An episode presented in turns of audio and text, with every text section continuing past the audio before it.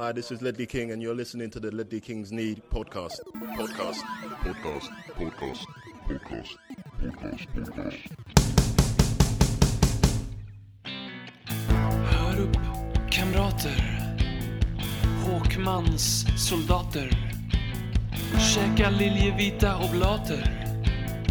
Och drick dina kolhydrater. Konsekvent, inkonsekvent. Det bästa som någonsin hänt. Du kommer aldrig bli dig själv igen, min vän. Här flödar hybrisen. När vi poddar på nytt igen. Du kommer aldrig bli dig själv igen, min vän.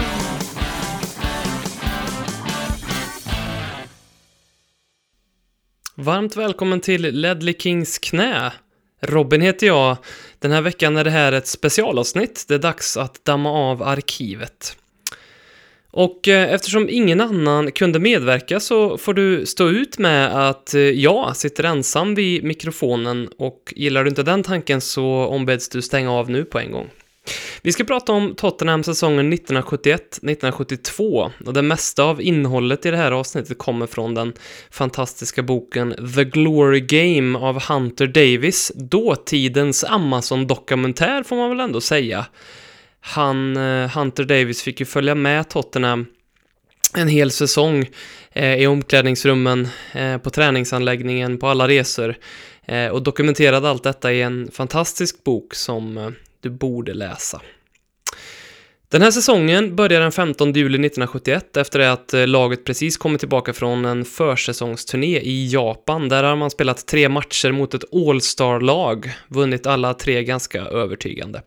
Det här var en av de första upplagorna av en trupp som tjänade så pass mycket pengar som fotbollsspelare att de kunde leva på det. Eh, bara ett par år tidigare så hade de flesta fotbollsspelarna andra jobb. Vissa har de typ sommarjobb för att få det hela att gå ihop då. En spelare som den här första dagen 1971 såg lite vilsam och ensam och nervös ut, det var Ralph Coates.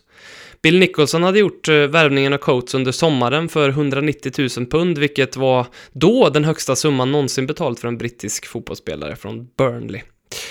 Han kom också från Burnley där han varit eh, stjärnan i ett lag som, som var på nedgång. Han var en engelsk landslagsman så därför hade han ett par bekanta i, i det här Tottenham-laget. Martin Peters, Alan Mullery och Martin Chivers såklart.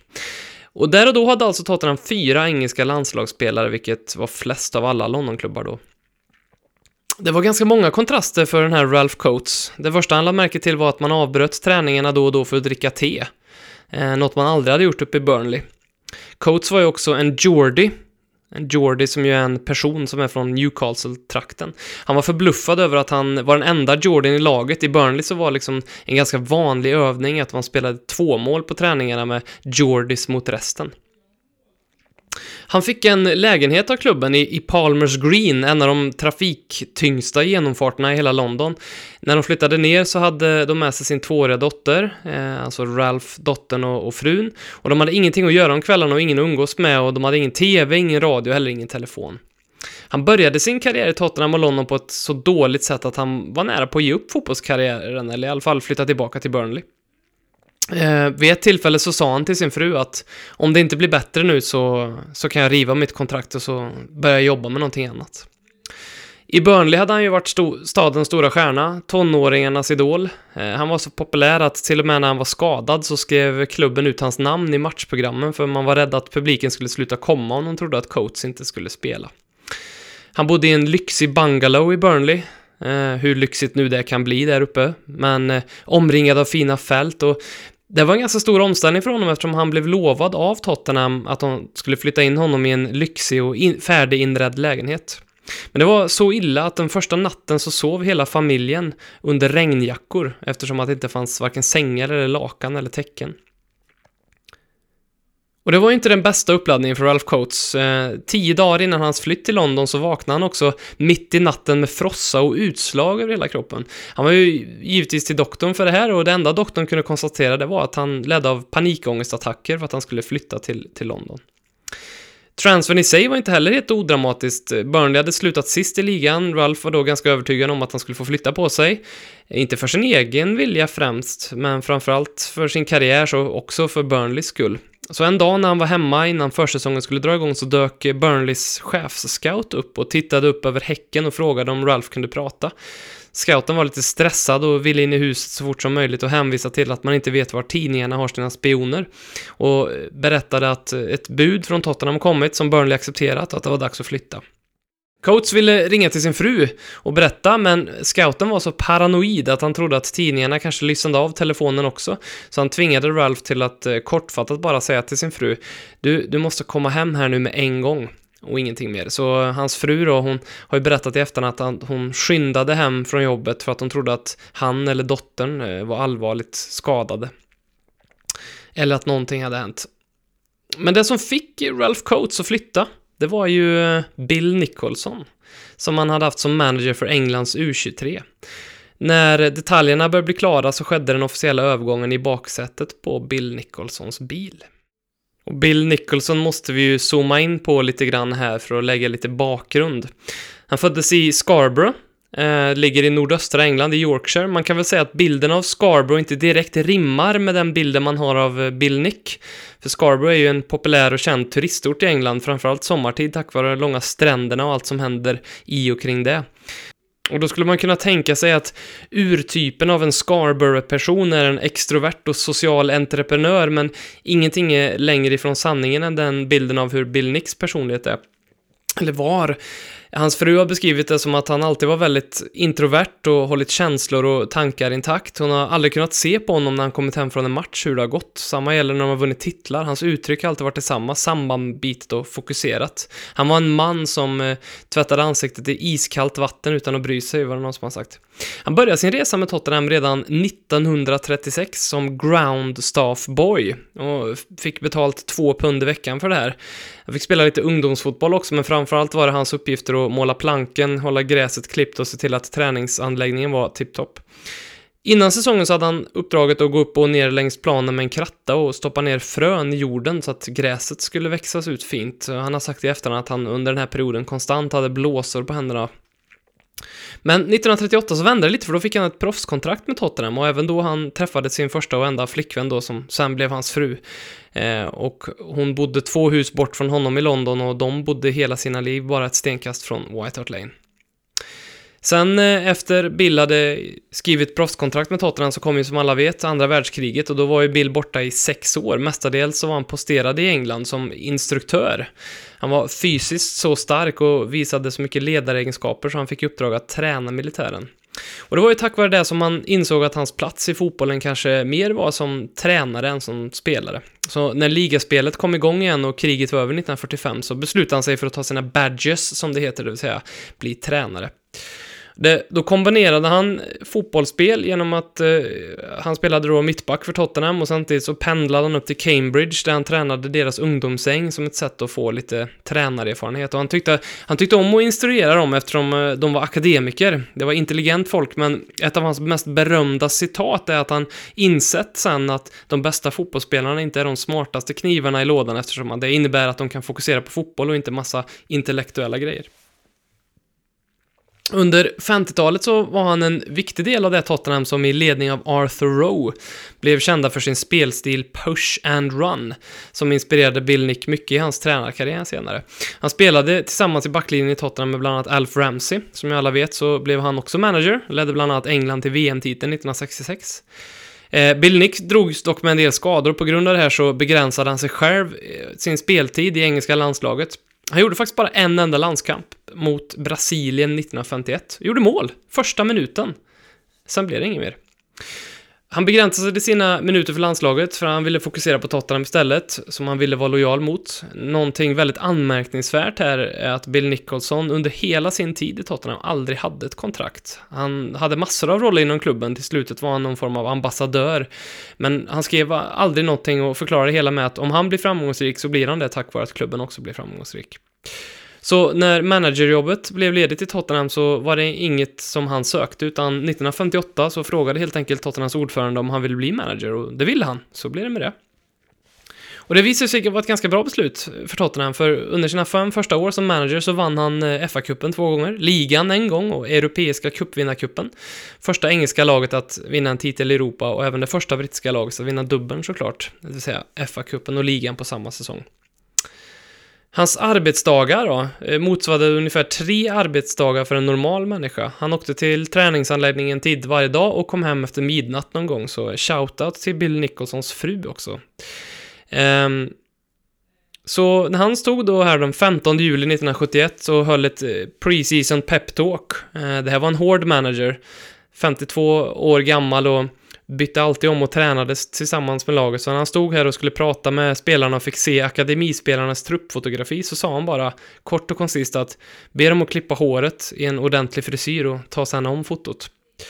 Um, och när den här dagen började komma igång med övningar och Martin Chivers inte riktigt följde instruktionerna så fick han sig en avhyvling av Bill Nicholson eftersom att han hade långt hår och inte därför kunde höra Bill Nicholsons in instruktioner. Och det han mer sa i det här peptalket då inför försäsongen eh, 1971, det var att det här kommer bli en tuff säsong, vilket han skulle ha väldigt rätt i. Tuffare än tidigare säsong eftersom man hade vunnit ligacupen förra året på Wembley. Så innebär ju det att man skulle spela i Europa för första gången på fyra år. Och det skulle innebära fler matcher. Den första matchen på den här säsongen var mot Wolverhampton Wanderers borta i ligan. Och det skulle också visa sig att Wolves skulle bli säsongens sista motståndare, men eh, på grund av helt andra omständigheter som vi kommer tillbaka till senare. Så den 14 augusti så var han lite orolig, Bill Nicholson. Ehm, man hade inte spelat bra enligt honom i sina träningsmatcher mot eh, Hearts och Rangers, och man hade faktiskt förlorat båda. Eh, och när Bill fick frågan innan matchen om vad han tyckte om den här Ralph Coates framsteg, nyförvärvet från Burnley, så tittade han bara på journalisten och gjorde en grimas som inte gick att tolka som något annat än något negativt. Och för att addera på Nicholsons elände lite så hade han kanske tappat greppet lite grann om fotbollsspelarnas sätt att bete sig på. Eh, vilket var oundvikligt när de nu började tjäna pengar och få hybris och såg som popstjärnor istället för arbetarklasshjältar så som de hade varit bara för ett par år sedan. Så på tåget upp till Birmingham så fick han sitta där, Bill Nicholson, och stå ut med att de tjatade om vilken nattklubb de skulle gå på efter matchen och Cyril Knowles satt och läste högt ur en porrtidning.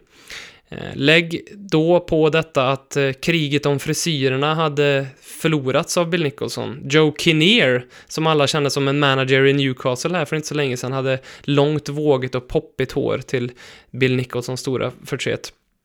Och den här första matchen för säsongen spelades i åskoväder i, i Fullstolm. Eh, Wolverhampton var inget lätt motstånd, de hade slutat på samma poäng som Tottenham, eh, men på fjärdeplatsen förra säsongen, Tottenham blivit trea. Och deras rykte på hemmaplan var, var starkt, och det var inget undantag för den här matchen, för ungefär 80 minuters tid så dominerade Wolverhampton, och tack vare en jättetabb av Pat Jennings så gjorde man 1-0 och så ledde man sen med 2-0 fram till åttonde minuten när Tottenham against the run of play, som det heter eh, på engelsk fotbollsspråk, gjorde 2-1 och sen bjöd Wolverhamptons målvakt på en jättetabbe, vilket gav slutresultatet 2-2. Eh, och de flesta som var där trodde nog kanske att Tottenham skulle sno alla poäng eftersom att efter det här så rasade Wolverhampton fullkomligt ihop, men det blev 2-2. Någon som såg den här matchen från läktaren, det var ju Roger Morgan, Morgan, yttern som hade kommit till Tottenham någon säsong innan och han var ganska nöjd för att Ralph Coates, nyförvärvet, han har sett rent ut sagt bedrövlig ut på ytterkanten till Rogers stora skadeglädje. Det var ingen lovande start direkt, bland annat så hade Alan Gilsin i halvtid givetvis så att inte Bill Nick hörde, sagt att nu är det bara 45 minuter innan vi får åka hem igen. Och den kvällen efter 2-2 matchen gick man på puben The British Queen och blev kalasfulla hela bunten. Sen så spelade Tottenham inte så övertygande fotboll efter det, innan det kom en vändpunkt. Eh, som faktiskt kom efter en förlust. Man förlorade borta mot Manchester City med 4-0 och Nicholson gick in i omklädningsrummet efter matchen och skrek bara “Ni gömmer er” och sen så slängde han igen dörren och gick därifrån. Och då tycker jag vi ska titta lite grann på truppen, för den här truppen innehåller en rad legendarer. Tittar man på eh, topp 10-listan över vilka spelare som gjort eh, flest framträdanden för klubben så spelar ju en rad av de spelarna i Tottenham den här säsongen. Bland annat eh, Pat Jennings, målvakten, 472 matcher för Tottenham, den tredje mest någonsin. Lite kontroversiellt kanske i sammanhanget att han gjorde 270 matcher för Arsenal också, men det får man kanske inte hålla emot honom här. Och bortsett från den där tavlan i den där Wolves-matchen i början på säsongen så var vi kanske Pat Jennings, Tottenhams store bästa spelare också, överlag, 1971-72. Att han överhuvudtaget blev professionell fotbollsspelare är också ganska anmärkningsvärt. Han föddes i en otroligt fattig familj, eh, tillsammans med tio syskon där bara åtta överlevde. Och han klarade inte av skolan och en dag när han inte hade någonting att göra så har han berättat att han gick och kollade på en fotbollsmatch och tänkte fan, jag skulle, jag skulle också kunna klara av det där med att stå i mål. Så gick han och mötte upp det laget, Newry som de hette, och fick ett kontrakt med dem till och med. Och sen så blev han såld till Watford i, i engelska högsta ligan. Så på 18 månader hade han gått ifrån att aldrig ha spelat en fotbollsmatch till att spela i engelska högsta ligan mot Watford. Med Watford. Steve Perryman måste vi nämna här, eh, såklart en del av det här gänget också. Som jag alla vet eh, var den, är den som har gjort mest matcher för Tottenham. Ganska ny, kom till Tottenham 1969, var kvar ända till 1986. Den enda eh, som nu gjort över 600 matcher för klubben. Närmare bestämt 613 stycken. För att sätta det i ett litet perspektiv så är väl Hugo Lloris den som har gjort eh, flest framträdanden i nuvarande truppen och han har väl spelat runt 250 matcher för Tottenham ungefär. Andra profiler, Alan Mallory, kaptenen, 311 matcher totalt för Tottenham. Vi kommer återvända lite till honom sen. Vänsterbacken Cyril Knowles, 400 matcher plus. Han vars brorsa blev Jehovas vittne, ni vet. Skotten Alan Gilsin, 343 matcher. Phil Beal, eh, också runt 330 matcher. Martin Peters, John Pratt, Joe Kinnear, Martin Chivers. Eh, det vi ska fokusera lite grann nu på och zooma in lite på, det är eh, Uefa-cupen. Eller, eh, eller eh, Europa League som det heter idag. Det hela började ju mot IF Keflavik på Island. Eh, på den här tiden hade inte kuppen något gruppspel, utan från första början så, så var det här en runda på två matcher hela vägen till finalen, och finalen skulle också vara bäst av två matcher, vilket bidrog lite till kuppmystiken och, och Tottenham gick in eller man kan säga att Tottenham gick all in i den här kuppen och tidigt så lovade man alla spelarna att om man skulle ta sig hela vägen till final så skulle hela deras familjer bjudas med på resan. Eh, och det var en ganska spännande tanke, särskilt när Tottenham lottades mot isländska, rumänska och italienska lag, men vilka som sen blev motståndare i finalen gjorde det kanske att den här drömmen inte riktigt blev samma sak. Um, IF Keflavik var väl inte det svåraste hindret på resan. Eh, Kef betyder ju dålig på svenska. Ingen aning om det har någon form av isländskt ursprung så, men över två matcher så gjorde Tottenham 15 mål. Den ena matchen på White Hart Lane vann man med hela 9-0. Eh, och i den första matchen eh, mot IF Keflavik fick en ung skotte göra sin första A-lagsmatch någonsin. Han skulle också, det skulle också vara den enda han någonsin gjorde för Tottenham. Nämligen Graham Souness. Eh, vad han sen uträttade för Liverpool och skotska landslaget och på ålderns höst också för Sky Sports, det är berättelsen för en helt annan podcast. Men att Tottenham tappade honom där och då var väl en stor förlust. Han hade ju gått i samma fotspår, Graham Souness, som, ja, samma skola till och med, som Dave Mackay, Tottenham-legenden, känd för att bli fotad när han läxade upp Leeds Billy Bremner bland annat, och när Souness försökte övertyga Bill Nicholson om att han var den bästa mittfältaren i modern tid, där på 70-talet så ledsnade Bill Nick lite på hans hybris och sålde av honom till Middlesbrough, något som han fick ångra ganska mycket sen då. Efter man har slagit ut eh, Keflavik så gick ekipaget till Nant och sin vaga, vana trogen hade Bill Nicholson inte lämnat någonting åt slumpen. Han hade varit över i Nant i Frankrike en vecka innan och scoutat motståndare, men också valt ut ett hotell, valt mat för att inte ta några risker. Bill Nicholson var tydlig med att påminna laget om att senaste gången de var i Frankrike och spelade så åkte de ut mot Lyon och han var mån om att inte det här skulle bli en, ännu en cup-exit mot franskt motstånd. Och Nantes var ett ganska starkt gäng. De hade vunnit franska ligan två gånger de senaste åren och hade inför den här matchen sju raka matcher utan förlust. Och något som var mycket mer märkbart där och då än vad det är nu, det är ju den historiska rivaliteten mellan engelsmän och fransmän. När engelska lag åkte ut i Europa och mötte franska lag vid den här tiden så försökte alltid de franska motståndarfansen göra allt i sin makt för att störa truppen på hotellet. Eh, när truppen var ute på pubbar och ute på gatorna så vägrade franska kvinnor att dansa och låta sig uppvaktas av de engelska spelarna. Så det var lite mer än bara fotboll. I eh, omklädningsrummet innan matchen så fick eh, laget veta att Nant hade bytt från gula till gröna tröjor eftersom att tv-bolaget hade bestämt att det skulle göra sig bättre på tv. Och Bill Nicholson då som var perfektionist eh, han blev ju alldeles rasande här eftersom att hans fokus på detaljer varit så starkt och det här störde honom i matchuppladdning och gjorde honom lite nervös.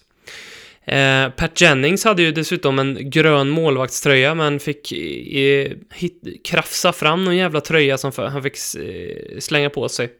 Och sen bestod uppvärmningen då charmigt nog av att spelarna turas om och passa bollen mot en vägg inne i duschrummet. Matchen slutade 0-0 eh, och det var mycket till lättnad för Tottenham för Nant fullkomligt körde över Spurs men eh, lyckades inte med att producera någonting. Eddie Bailey har vi inte nämnt hittills men han, eh, det borde vi kanske ha gjort. Han var ju assisterande manager och känd för sitt otroliga temperament. Tänk er den här hatiska officeren i full metal jacket för en jämförbar person. Så hur som helst, Eddie Bailey var känd för att stå vid sidlinjen och skrika. Och med skrika menas här då fullständigt gapa och tappa det, då oftast bara på de egna spelarna. För gjorde man minsta lilla markeringsmiss eller felpassning eller felaktig löpning, då fick man en åskstorm från, från Bailey på sidan.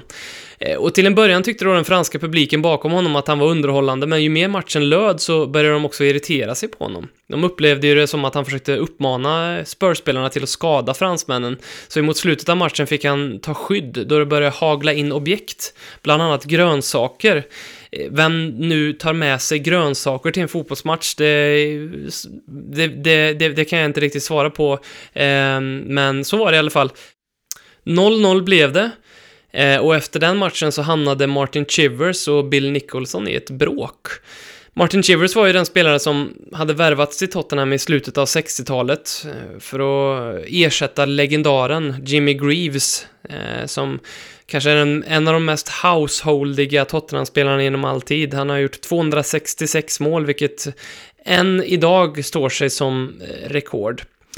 Um, och det var inte helt lätt att komma till Tottenham för den här brunkiga, stora Martin Chivers. Lång och gänglig var han. Um, han var en gammal diskuskastare faktiskt och de första säsongerna så slog han sig inte riktigt in i laget och fick även en elak knäskada som höll honom borta från spel i nästan ett år. Ehm, men i början av 70-talet så började han ta form och var väl kanske den här säsongen då allas ögon låg på Shivers som skulle vara Tottenhams nya stjärnanfallare och som precis hade fått börja spela för, för landslaget också. Så pressen som han hade på sina axlar och även förväntan som låg på honom från Bill Nicholson var såklart väldigt hög. Och Även om han hade fått en helt okej okay start på sin Tottenham-karriär eh, 1968 så gjorde han mål i sin debutmatch och men sen så när skadan kom och formen dippade så började också fansen göra sig missnöjda med honom. Inte helt olikt hur det ser ut i, i dagens Tottenham. Ehm, tänk situationen med Eriksen här på slutet bland annat. Och Chivers hade svårt efter den här elaka, han var faktiskt borta ett helt år. Och han hade svårt att, att, att, få upp formen och Bill Nick var helt övertygad om att hans formdipp nu hade att göra med att han var rädd. Så sättet som Billnick löste det här på, eh, det var att han i hemlighet pratade med två försvarare i Tottenham. Mike England, som eh, trots namnet var walesare, och Peter Collins, eh, som trots namnet inte har en bror som spelar i Genesis. Han pratade med de här tuffa försvararna och sa att sparka och tackla och vara jävligt jobbig mot Martin Chivers på träning eh, för att väcka liv i Chivers aggressivitet igen. Och det här funkade ju bra. Det funkade kanske lite för bra, för vid minst ett tillfälle så slutade träningarna på eh, i Tottenham här nu i, i rena handgängmäng mellan Chivers och, och Collins. Eh, men sett till det stora hela så, så fick det här liv i Chivers karriär igen och han, han började spotta in mål efter det här. Och sen då eh, Nant, 0-0 eh, borta. Eh, returmötet så klev Martin Peters fram. Eh, Martin Peters som ju gick bort eh, ganska nyligen. Eh, en av de stora gentlemännen i brittisk fotboll och jag tycker att vi ska faktiskt eh, ta ett avsnitt i sig här framöver i de här coronatiderna för att prata om eh, Martin Peters.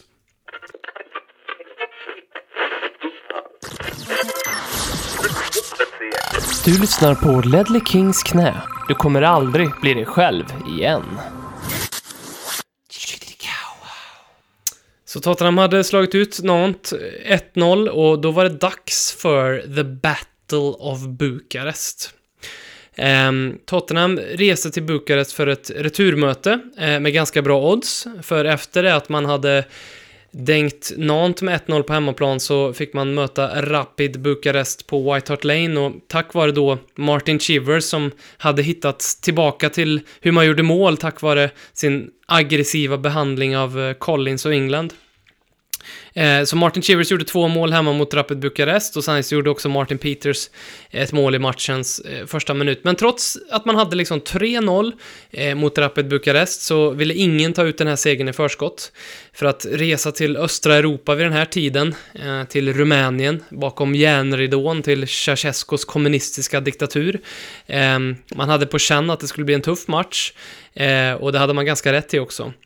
Eh, för The Battle of Bukarest eh, började ganska brutalt. Fyra minuter in i matchen så får eh, anfallaren i Tottenham, Alan Gilsin, två raka knytnävsslag rakt i njurarna eh, från en rumänsk mittback. Eh, det här missade ju totalt både linjedomare och domare, kanske med flit, men eh, någon som såg det var Eddie Bailey och Bill Nicholson. Eh, och från då fjärde minuten i den här matchen och, och, hela matchen framåt så stod de vid, vid sidlinjen och gapade och skrek för att få den här italienska domaren att se vad som hände på planen. Och två minuter senare så händer det igen. Eh, den här stora rumänska fyrtornet, nummer fyra på ryggen, hoppade upp i luften och karatesparkade Alan Gilsin med uppfläkta dobbar när domaren tittade åt andra hållet.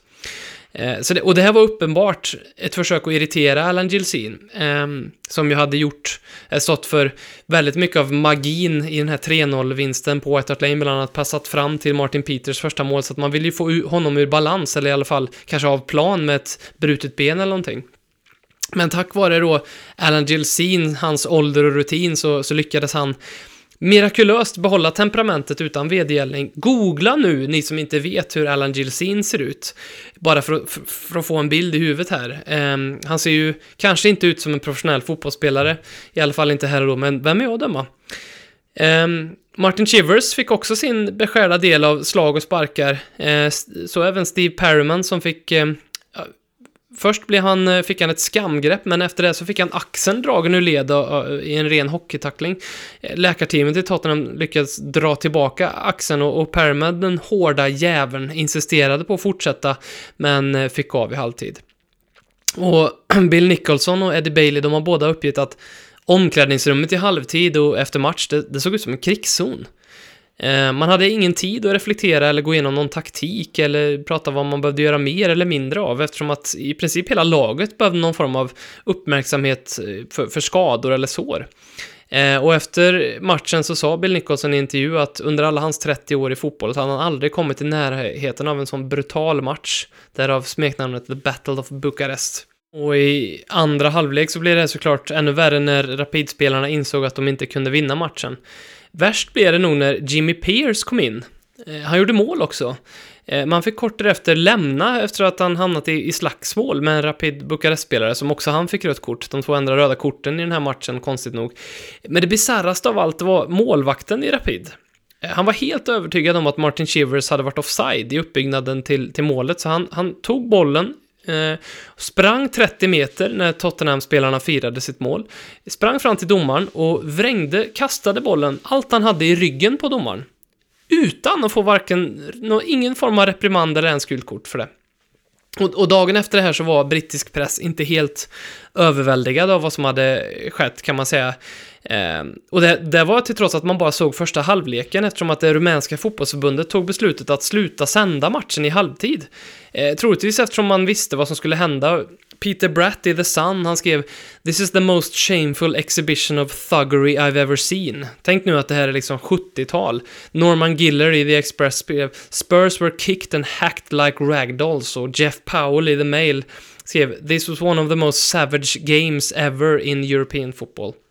Så ni kan ju tänka er hur det kändes för klubben när det stod klart att nästa motståndare då i kvartsfinalen här, efter man hade slagit ut Rapid Bukarest ganska komfortabelt, men jag tror att man hade en 7-8 tydliga skador efter det här eh, mötet nere i, i Bukarest. Eh, så ni kan ju tänka er hur det kändes då när Tottenham fick reda på att ja, men nästa motståndare, eh, nu grattis, ni är i kvartsfinal, det, eh, ni ska tillbaka eh, bakom järnridån och ni ska också tillbaka till Rumänien. Ni ska till möta ett lag som heter UT Arad. Eh, och nu vet jag att det är många som, som vill att, som undrar vad, vad, vad, vad fan är det där för någonting? För det kanske inte är liksom super household det här med UT Arad. Och jag vet inte om jag uttalar det här rätt, men jag, jag läser bara här. Eh, och är det första gången du hör talas om det här laget så är det nog inte ensam. Den här klubben upphörde faktiskt att existera här 2014. Men eh, om man googlar runt lite nu så, så, får man fram någon form av information om att lokala supportrar där har startat upp det här laget i rumänska andra ligan. Eh, någonting som var lite negativt med de här eh, då, UT Arad, eh, de bildades 1945 av baronen Franzisk von Neumann. Han var ett stort Arsenal-fan, eh, så han hade gett det här laget rödvita färger.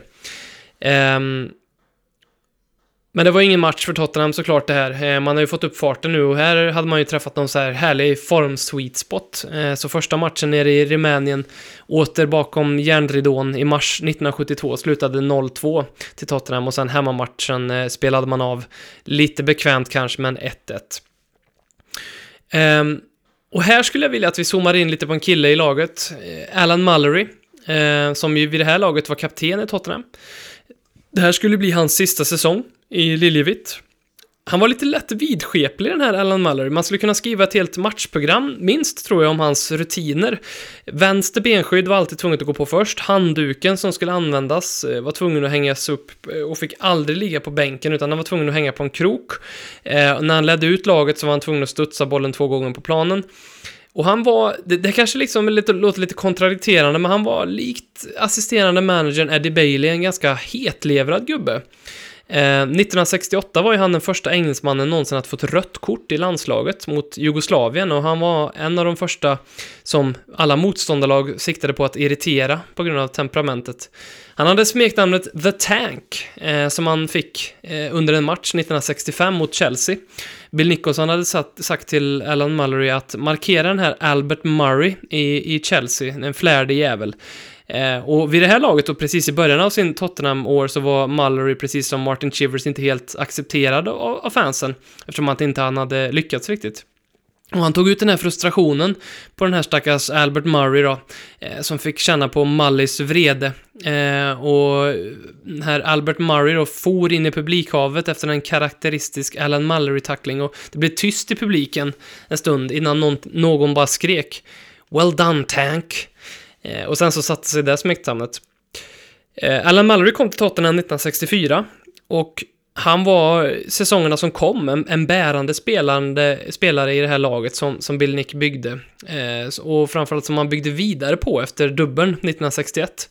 Eh, och det var inte lätt för Mallory för han köptes ju in för att ersätta legendaren Danny Blanchflower som spelade centralt på mittfältet. Eh, och man kan väl säga att Blanchflower var ju den som på på sitt sätt och vis uppfann champagnefotbollen som Tottenham är kända för på White Hart Lane. Ehm, och när då Alan Mullery kom in som ersättare, som var mycket mer en Dave McKay-typ, ett råskinn, eh, så var det väldigt mycket mer ja, svårsmält får man väl säga.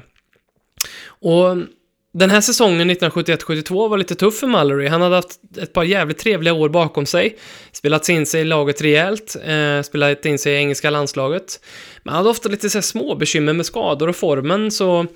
Eh, och faktum var att han hade dragit på sig någon jävla knepig tarmsjukdom som han vägrade att berätta för Bill Nick om, för han var rädd att han skulle få, få lämna eller inte få spela om, om han berättade om det. Eh, så han hade ont i magen konstant. Eh, och, och eftersom att Bill Nick inte visste eh, vad han skulle ta sig till här så bestämde han sig att skicka ut honom på lån till Fulham, som låg sist eh, i ligan vid det här laget. Um, och någon gång i, i den här perioden så ska Alan Mallory och hans fru mött en Tottenham-supporter som eh, var lite berusad och, och, och besviken eh, och råkade knuffa till Mallorys fru och sen skrika någonting om att Mallory var värdelös som hade tappat det. Eh, och det här fick ju Mallory att tappa det. Eh, den här killen blev helt sönderslagen och när polisen kom till platsen så gav sig Alan Mallory även på dem också. Och på kvällen sen så smög sig ett gäng journalister hem till Alan Mallory för att få nysta lite grann i det här. Eh, och för, för, att nog understryka vilken skräckinjagande typ eh, Alan Mallory var, eh, var när han var på det här humöret så, så hotade han dem också. Han hotade dem så mycket att ingen av dem vågade skriva någonting i tidningen eh, om det här. Um, och här någon gång när Alan Mallory blev skickad på lån till Fulham och liksom för att eh, få skrapa ihop sitt spel och eh, självförtroende igen så lottades Tottenham mot AC Milan och precis innan eh, de matcherna skulle spelas så bröt John Pratt näsan och då fick eh, Bill Nick ångra sig, kalla tillbaka Alan Mallory från lånet till Fulham. Ehm, och det skulle faktiskt också vara så att Alan Mallory fick avsluta sin karriär i Tottenham på topp. För eh, den här första semifinalen mot Milan på, på White Hart Lane var kanske inte så enkel. Eh, Tottenham förde matchen, men Milan lyckades göra 0-1 och sen så spelade de en sån här klassisk cynisk italiensk fotboll. Massvis med maskande och alla försök i världen här att hålla ner tempot. Eh, en av deras spelare fick konstigt nog också rött kort för att han vägrade att flytta på sig när han ställde sig i vägen för en Tottenham-frispark. Eh, men Tottenham lyckades hämta det här lite grann. Matchen slutade 2-1. Steve Perryman gjorde två baljer. Ehm, men med det sagt, 2-1 i en semifinal i en e- Europa eh, i Uefa-cupen. Eh, Man skulle åka ner till Milan eh, och möta dem på San Siro, så det här var inte alls speciellt eh, självklart eftersom att eh, AC Milan inte minst hade ett bortamål med sig och sen fördel av hemmaplan, hemmaplan då. Och här måste vi pausa för, för att flika in med att vem, vem som stod i mål eh, för AC Milan eh, den här tiden? Ja, men det var ju Fabio Cudicini, pappa till Carlo Cudicini, som ju har ett förflutet i Tottenham. Cudicini alltså, Tottenham-historia. Men eh, det var ju här i Milan som han klev fram, kaptenen, eh, som många hade räknat ut som avdankad och på väg utför. I sjunde minuten gjorde han det otroligt viktigt eh, mål för Tottenham, eh, som innebar att AC Milan skulle behöva göra tre mål för att vända på steken. Eh, de lyckades göra 1-1, men inte mer än så. Tottenham var då klart för final. Så Tottenham är klart för final i Uefa-cupen och ehm, då var det ju dags för den här säsongen att gå lite full circle för eh, nu... Eh, den sist, det, det innebär att man skulle få spela sista matchen på säsongen mot Wolverhampton Wanderers eh, i ett dubbelmöte som det var vid den här tiden. Eh, och som jag tror jag nämnde i början här så hade ju Tottenham lovat att tog man sig hela vägen till final så skulle hela familjer och vänner och ekipage få, få följa med på den resan. Så ja, lite antiklimax kanske det var, lite besvikelse kanske det var när man eh, inte fick åka till Milano eh, eller till en lömsk östeuropeisk stad i, innanför järnridån utan man fick åka ett par mil norrut till eh, den gråa och super, super oinspirerade staden Birmingham eh, för att spela det första Första mötet i en europeisk cupfinal i Uefa-cupen på Molinö.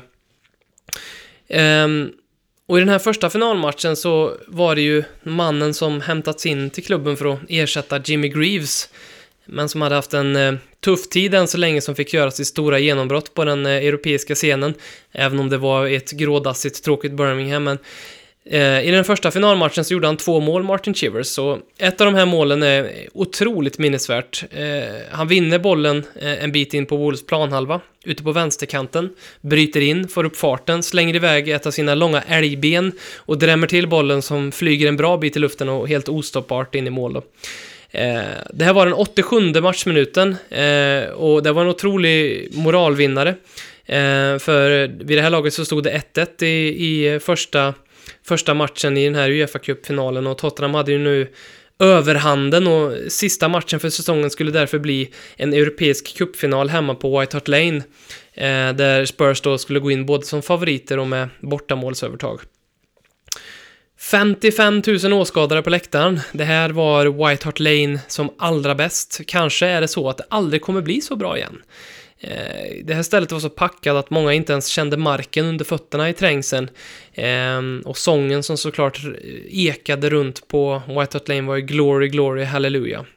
Och Wolverhampton ehm, orkade inte utmana Tottenham, särskilt inte efter att Tottenham i den 29 minuten gjort 1-0 och därmed också utökat det aggregerade resultatet till 3-1. Eh, och det här var ju slutet på säsongen där båda lagen hade gjort över 50 matcher och man får komma ihåg att trupper på den här tiden bestod ju kanske av 16-17 spelare och inte en överflöd av akademispelare att kasta in heller, så de här spelarna har ju spelat en jävla massa matcher. Eh, så den där växeln fanns inte helt enkelt att plocka fram i Wolves. Och vem var det då som eh, gjorde det här målet i den 29 minuten? Jo, men det var ju såklart att säsongen gick ännu mer full circle. Livet gick full circle eftersom att det var kaptenen Alan Mallory inne på sin åttonde och sista säsong i Tottenham. Nere för räkning, återkallad från de döda, satte dolken i det här Wolves-liket. Eh, en frispark från Martin Peters. Eh, han kastade sig fram, stack in huvudet där i smeten. Han stack in huvudet med en sån kraft att han svimmade eh, när han träffade bollen.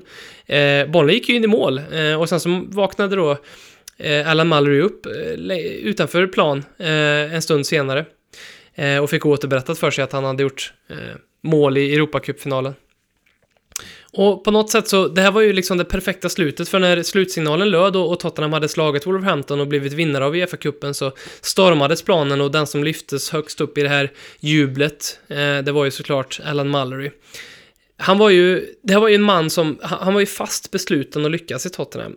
Eh, kvällen den 27 mars 1964 när han hade gjort sin debut på hemmaplan så körde han hem efter matchen otroligt besviken. Eh, man hade förlorat hemma mot Liverpool och publiken hade tagit ut sin vrede på honom. Eh, vilket inte var konstigt för han hade kommit till Tottenham lovad som ersättare för Danny Blanchflower. Eh, som under tio års tid hade underhållit White Hart Lane med sin briljans och här kommer då istället den här fyrkantiga och stenhårda innermittfältaren vars styrka låg i, i tacklingar och närkamper.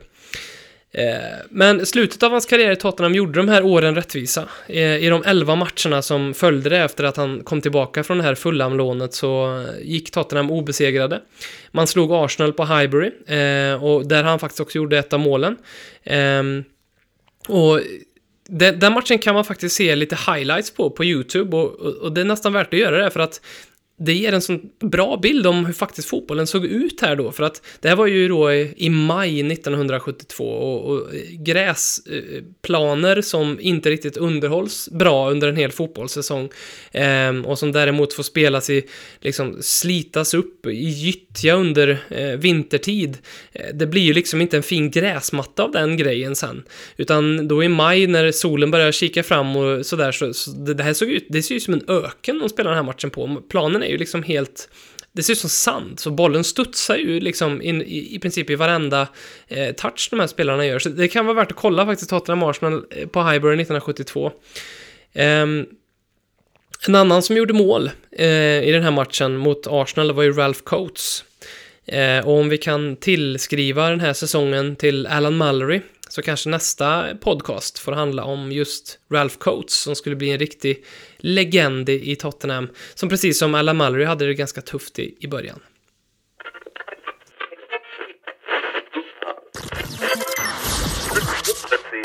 Du lyssnar på Ledley Kings knä.